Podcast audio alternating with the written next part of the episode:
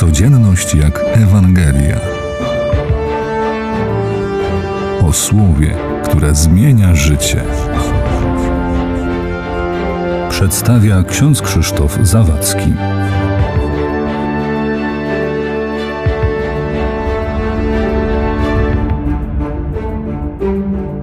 Czytanej dzisiaj w kościołach Ewangelii Pan Jezus ostrzega swoich uczniów przed prześladowaniami, które pojawią się ze strony swoich współbraci w wierze. To, o czym mówi Jezus bardzo szybko, dokonało się w Jerozolimie po wniebowstąpieniu. Apostołowie byli prześladowani. Zostali wyłączeni z synagogi. To wszystko zapowiedział Jezus, aby jak to się stanie, uczniowie nie stracili ducha wiary. Łatwo jest człowiekowi wierzyć i ufać, jak wszystko układa się pomyślnie. Trudniej jest wierzyć, kiedy w życiu spotykają same przeciwności. Są takie chwile w życiu wiary, kiedy wydaje się, jakby Jezus nie słuchał głosu naszej modlitwy.